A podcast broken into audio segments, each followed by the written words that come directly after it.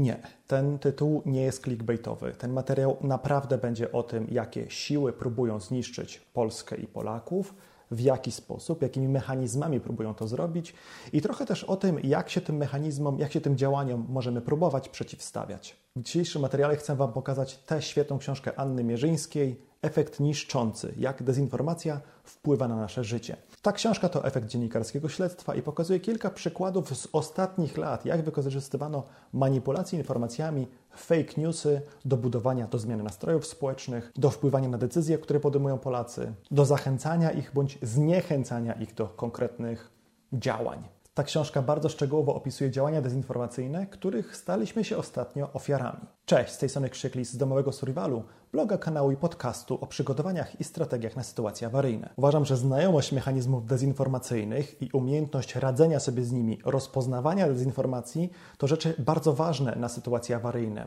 czy może raczej zabezpieczające nas przed sytuacjami awaryjnymi. Podejmowanie złych decyzji w oparciu o fałszywe informacje może nas w trudne czasy zapędzić. Znacie na pewno oszustwo na wnuczka. Kiedy przestępca, zapłakany, z rozedrganym głosem, dzwoni do emeryta i mówi: Babciu, dziadku, y, słuchaj, tutaj właśnie potrąciłem kobietę y, w ciąży na pasach i, pilnie potrzebuję pieniędzy, y, bo zaraz będę miał problemy. Bo zaraz zgłoszą sprawę na policję, jak im nie zapłacimy, pomóż, koniecznie proszę. Tylko błagam, nie mów o tym policji, nie mów o tym nikomu z rodziny, nie mów o tym w banku, jak będziesz wyciągać te pieniądze, po prostu nie mów nikomu. I co ważne, nie mogę ja tych pieniędzy odebrać od ciebie, więc wyślę teraz kolegę. Babcia czy tam dziadek pyta, Krzyś? I przestępca oczywiście mówi, tak, babciu, Krzyś, no to pomożesz czy nie pomożesz? Babciu, szybko, szybko, nie? Ten schemat przestępstwa wydawałoby się jest powszechnie znany, jednak co chwilę pojawiają się jego nowe warianty, jak na przykład oszustwo na policjanta, że właśnie chcemy złapać tego typu szajkę złodziei. Co by nie mówić, ludzie w dalszym ciągu są oszukiwani, chodzą do banków, wypłacają pieniądze i ludzie w bankach, pracownicy banków cierpliwie im tłumaczą, proszę nie wypłacać tych pieniędzy, to jest oszustwo. A co jeśli dałoby się dziś tanim kosztem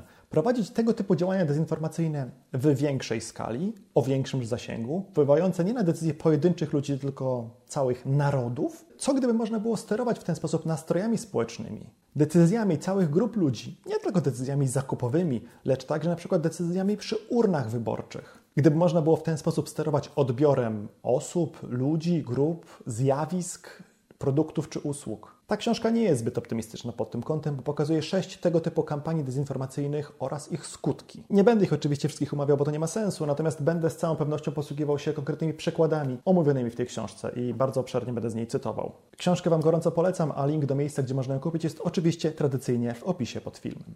Podstawowym pytaniem, które powinniśmy sobie zadać, powinno być, po co w ogóle takie kampanie dezinformacyjne organizować? Co mogłoby być ich celem? No i ta książka bardzo ładnie na to pytanie odpowiada. Strona 54.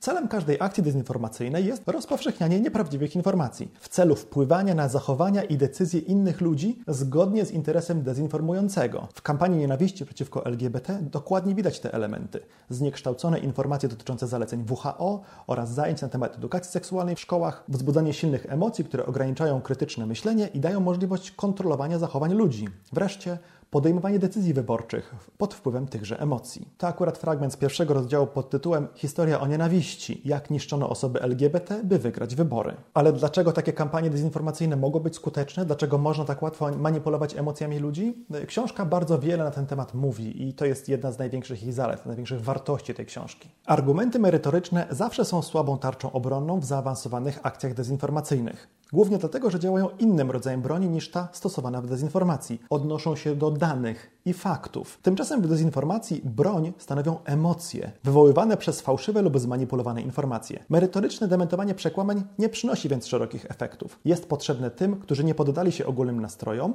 by mogli poznać prawdziwe informacje i krytycznie ocenić masowy przekaz. To jest bardzo ważne, bo ja często uczestniczę w takich, wydawałoby się, bezproduktywnych kompletnie dyskusjach w internecie, pod naszymi filmami, na grupach dyskusyjnych czy na Twitterze. Bardzo często próbuję ludziom tłumaczyć, z jakimi dezinformacjami mają do czynienia. Nie po to, żeby tych przekonanych, tych, którzy te informacje rozprzestrzeniają, przekonać, że jesteś kłamcą, to nie jest prawda, tylko po to, żeby przekonać do tego tych, którzy te informacje kiedyś będą czytać, którzy zobaczą je po raz pierwszy. Uważam, że powinni zobaczyć taką informację z krytycznym komentarzem: to jest fake news, to nie jest prawda. W przeciwnym razie ci ludzie bardzo szybko mogą wsiąknąć w to dezinformacyjne bagno, o czym właśnie jest cała ta książka. Dementowanie przekłamań niestety słabo dociera do rozemocjonowanych ludzi. Zbadano już w kilkudziesięciu eksperymentach, że zwłaszcza w internecie znacznie chętniej rozpowszechniamy treści budzące negatywne emocje lub podziw niż treści neutralne.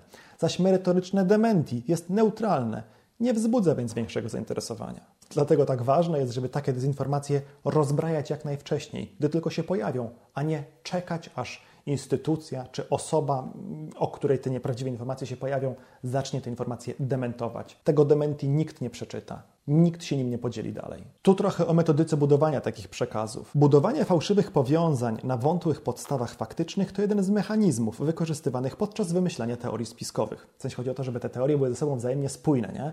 Żeby każdy kolejny klosek, każda kolejna dezinformacja pasowała do jakiejś takiej szerszej układanki, bo wtedy to łatwiej i lepiej do ludzi trafia. W paralogiczne ciągi przyczynowo-skutkowe wpisuje się wszystko, co na pierwszy rzut oka pasuje do przekazu, pomijając ewentualne sprzeczności. Dzięki temu powstaje pozornie spójna i emocjonująca opowieść, która objaśnia niezrozumiałe wydarzenie. I jeszcze kilka słów na temat tego, w jaki sposób język używany w tego typu komunikatach, czy posługiwanie się autorytetami, może wpływać na to, jak ludzie te informacje postrzegają. Stwarzanie językowej bariery to nie przypadek. Po pierwsze, skomplikowane branżowe słownictwo utrudnia weryfikację faktów. Po drugie, wykorzystuje efekt autorytetu, czyli uruchamia pułapkę myślenia polegającą na nieracjonalnym zaufaniu do opinii ekspertów. Kiedy uznamy kogoś za eksperta, przestajemy weryfikować podawane przez niego tezy, bo stwierdzamy, że on i tak wie lepiej. Niestety do uznania za eksperta często wystarczą powierzchowne zewnętrzne cechy, poważny wygląd, naukowy język i duża pewność siebie osoby głoszącej oczywiste hasła. Świetnym przykładem tego może być apel naukowców i lekarzy, żeby coś tam. Już nie będę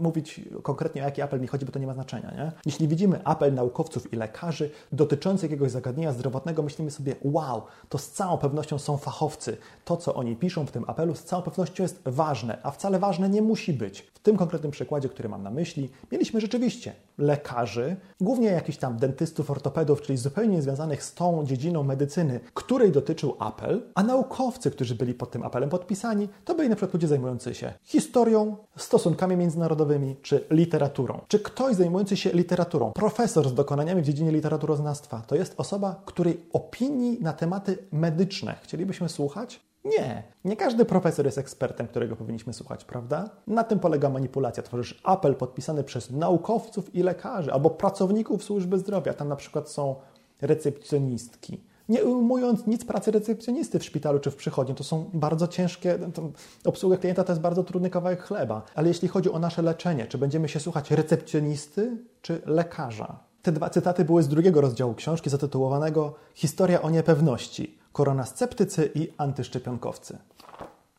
Niestety ludzie są tak skonstruowani, czy, czy, nasze mózgi są tak skonstruowane, że bardzo łatwo i bardzo głęboko wsiąkamy, wpadamy w to bagno teorii spiskowych. I, i trudno mieć do ludzi o to pretensje, bo to nie wynika z, ze złej woli takiego człowieka, tylko po prostu wynika z tego, jak skonstruowane są nasze mózgi. Znów cytat z tego samego rozdziału. W Polsce pierwsze fake newsy na temat koronawirusa także pojawiły się w styczniu, ale z dniem wprowadzenia lockdownu ich liczba wzrosła lawinowo, razem z zainteresowaniem tego rodzaju treściami. Nic dziwnego, niepewność, mnożące się wątpliwości, destabilizacja, chaos i strach, taka mieszanka emocjonalna zawsze budzi silną potrzebę szybkiego uporządkowania świata, a przynajmniej znalezienia odpowiedzi na podstawowe pytania. O co w tym wszystkim chodzi? Co będzie jutro? Co mam zrobić, by przeżyć? Kto za to wszystko odpowiada? I wreszcie, kto nas uratuje? I jeśli człowiek zapozna się z teorią spiskową wcześniej niż z materiałami naukowymi, z oficjalnymi opracowaniami, z zaleceniami prawdziwych ekspertów, on wsiąknie a potem będzie go bardzo trudno przekonać, że został oszukany. To jest zupełnie zrozumiałe, że w obliczu czegoś nieznanego my zaczynamy się tego czegoś bać. To jest strach przed nieznanym, zupełnie zwykłe zjawisko. W toku naszej ewolucji, także ewolucji społecznej, wypracowaliśmy sobie szereg różnych mechanizmów radzenia sobie z tym strachem, z tym poczuciem zagrożenia. Nie? Jedni odwołują się do nauki i zasad, jakie w niej obowiązują, inni żarliwie się modlą, w religii odnajdując stabilny porządek, kolejni wolą zaufać państwu i instytucjonalnemu systemowi. Ale pewna grupa ludzi z zwróci się ku teoriom spiskowym, ponieważ zawarte w nich narracje podsuwają natychmiastowe odpowiedzi na najtrudniejsze pytania. Co prawda, odpowiedzi te mają niewiele wspólnego z prawdą, są pełne fałszywych twierdzeń i manipulacji, ale przy wysokim napięciu emocjonalnym obiektywna prawda traci na znaczeniu. Liczy się ulga oraz zachowanie wewnętrznej, psychicznej integralności. Naprawdę trudno mieć pretensje do ludzi, którzy ulegają tym dezinformacjom, którzy, powiedzmy to wprost, stają się ofiarą takiej dezinformacji, ponieważ to wynika z konstrukcji naszych mózgów, z tego, jak one funkcjonują. Tak samo jak trudno mieć pretensje do kogoś, że ma 5, a nie 17 palców u rąk. Zwróćcie uwagę, że w poszukiwaniu takich informacji wcale niekoniecznie musi chodzić o dojście do prawdy, bo niekoniecznie będziemy w stanie ocenić, co jest prawdą. Czy w kwestiach medycznych, związanych z mikrobiologią, ja, prosty inżynier, jestem w stanie ocenić, co jest prawdą, a co nie? Nie. Odpowiednio rozwinięta nauka jest nieodróżnialna dla laika od magii. I to działa nie tylko w kontekście medycyny. Tak samo będziemy oceniać konflikt międzynarodowy na drugim krańcu świata. Skąd przeciętny zjadacz chleba z ciasta w Polsce może wiedzieć, czy rzeczywiście świat na tym drugim końcu wygląda tak samo? Czy filmy, które ogląda, zostały nagrane tam dokładnie, a nie w innym miejscu albo w innym czasie kilka miesięcy temu? Nie? Widzimy to przy okazji wojny za naszą wschodnią granicą. Są materiały, że na przykład leżące trupy na ulicach Buczy to byli statyści.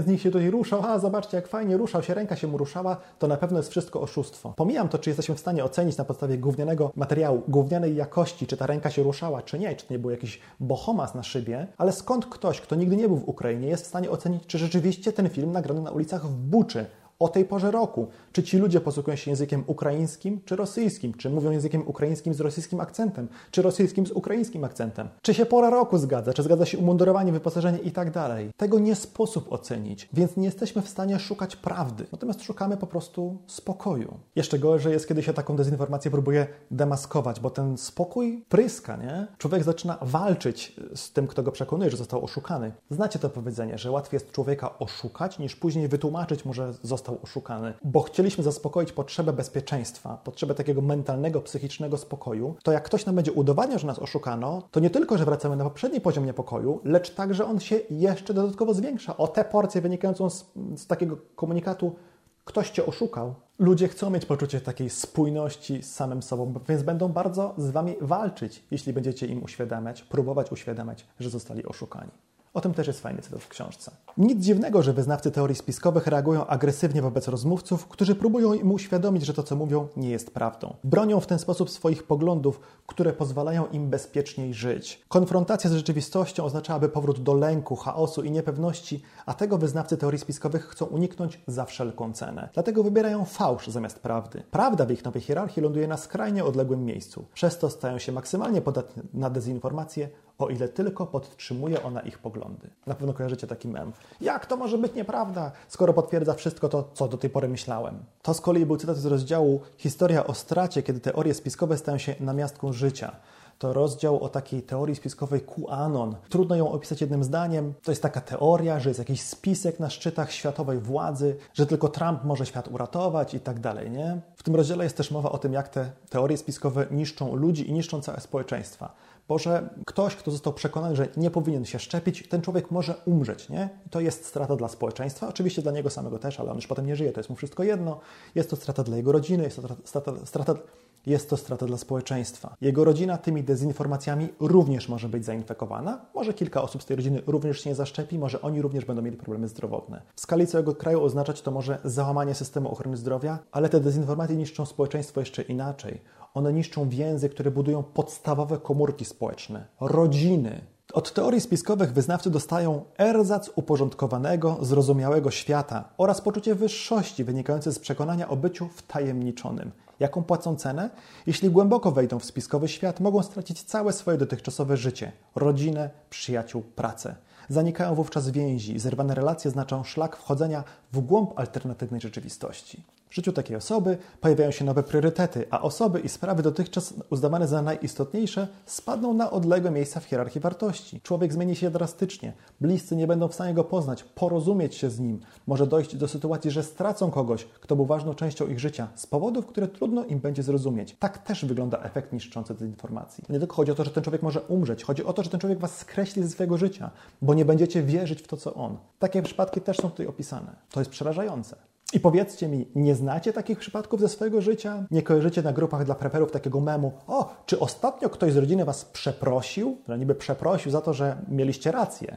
Nie? Takie memy wrzucają ci, którzy właśnie stali się ofiarą dezinformacji, a teraz podobno wszystko wychodzi na jaw, okazuje się, że mieli rację. Gówno, oczywiście nie mieli racji. Jestem przekonany, że znacie ludzi, którzy odcięli się od bliskich, bo bliscy chcieli się szczepić. Tak jak ja obserwuję widzów, którzy nam mówią, nie będę was oglądać, ponieważ się daliście zaczipować. W książce podane są przykłady różnych teorii spiskowych, różnych takich zależności między przykład kontami udostępniającymi te informacje. Autorka pokazuje, jak dochodziła do pewnych wniosków, jak wykrywała te powiązania, które pozwalały jej upewnić się, że dane informacje są nieprawdziwe. I bardzo pomaga właśnie takie kopanie próba dochodzenia do źródeł.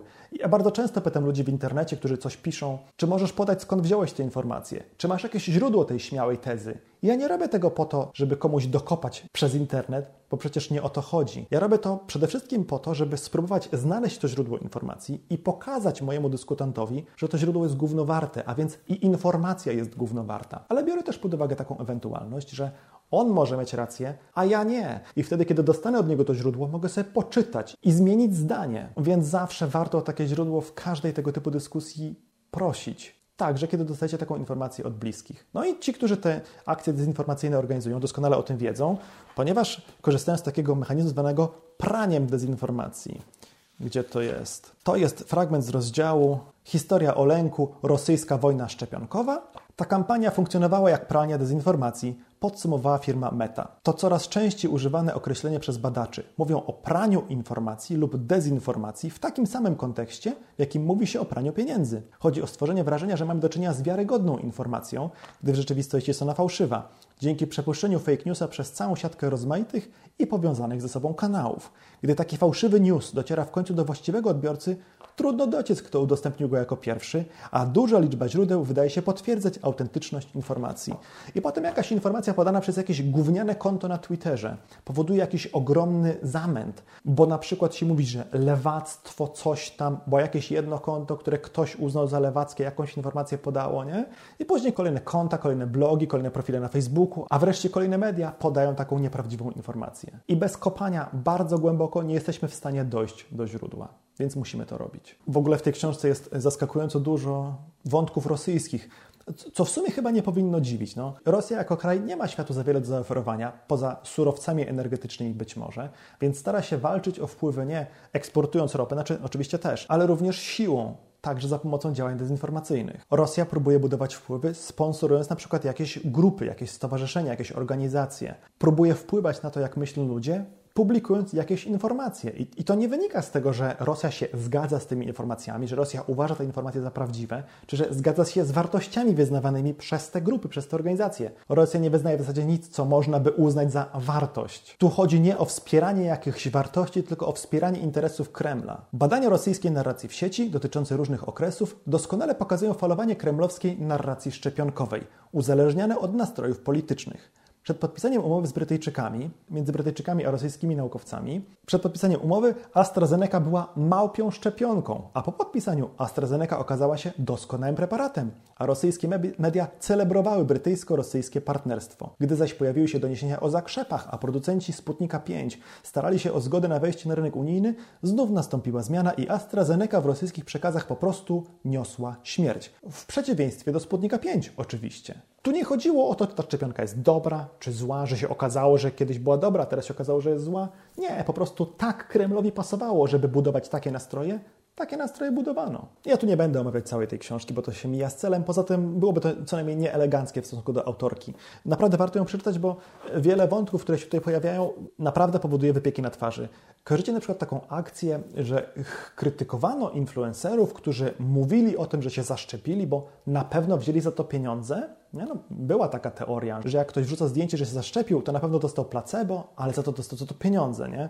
Ja też czytam takie idiotyczne komentarze pod swoim adresem, co jest oczywiście nieprawdą. Plus taki nieoznaczony przekaz reklamowy jest łamaniem prawa, więc ktoś zarzuca mi, że ja łamię prawo bezpodstawnie. Ale czy komuś z tych wszystkich ludzi przyszło do głowy, że takie komunikaty antyszczepionkowe również mogą być sponsorowane? W tej książce jest mowa o takiej kampanii, gdzie firma zajmująca się współpracą z influencerami chciała płacić za antyszczepionkową narrację. Czy komuś to przyszło do głowy? Jest łatwo zrozumiałe, dlaczego ludzie mogą chcieć rozprzestrzeniać takie szkodliwe informacje. Twórcy internetowi nabijają sobie w ten sposób zasięgi.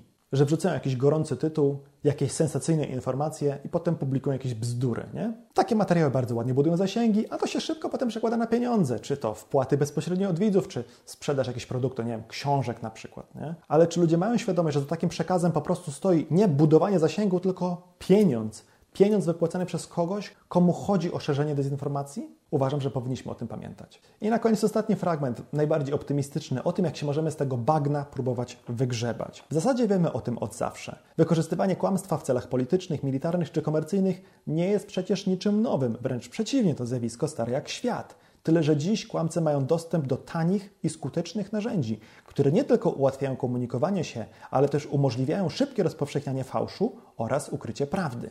W niektórych środowiskach politycznych kłamstwo stało się fundamentem władzy, ma systemowe, państwowe i medialne wsparcie, a więc także potężną siłę rażenia. Czy musimy się pogodzić z taką rzeczywistością? Nie sądzę. Uodpornienie się na dezinformację jest możliwe, choć wymaga wysiłku oraz holistycznego spojrzenia na problem. Potrzebujemy szeroko zakrojonej edukacji uczącej rozwoju Potrzebujemy szeroko zakrojonej edukacji uczącej rozróżniania prawdy od fałszu w sieci oraz nagradzającej krytyczne myślenie. Potrzebujemy rozpoznania mechanizmów psychologicznych i socjologicznych, zwiększających indywidualną i społeczną podatność na dezinformację, a po ich rozpoznaniu stworzenia programów wspierających odporność na fałsz i manipulacje prawa, które będzie karało za kłamstwo w sieci i ochroni ofiary internetowej przemocy, instytucji państwa reagujących na nieprawdziwe informacje i wspierających obywateli w docieraniu do prawdy. Do walki z dezinformacją potrzebujemy rozwiązań systemowych. Edukujmy nie tylko nasze dzieci, lecz także naszych rodziców, dziadków, emerytów, o których mówiłem na początku materiału. Jest wiele sił, które próbują nas zniszczyć, ograbić, zniszczyć nas jako naród, nasz kraj, przejąć w nim władzę i na zgliszczach zbudować jakieś nowe, że niby lepsze imperium. I w tej edukacji z całą pewnością pomoże ta książka, bo ona bardzo pomaga zrozumieć te mechanizmy, zobaczyć je na przykładach, nauczyć się je rozpoznawać. Ale nie oszukujcie się, że ta książka kogoś, kto został oszukany, pomoże przekonać, że tak było w rzeczywistości, pokazać mu prawdę. To nie nastąpi. Natomiast ta książka, jaką pożyczycie bliskim do przeczytania, może im dać do myślenia i pokazać, jak będzie wyglądać blackout w praktyce. Do tego koniecznie kliknij teraz ten odnośnik i zobacz ten materiał. Do zobaczenia. Trzymajcie się. Cześć.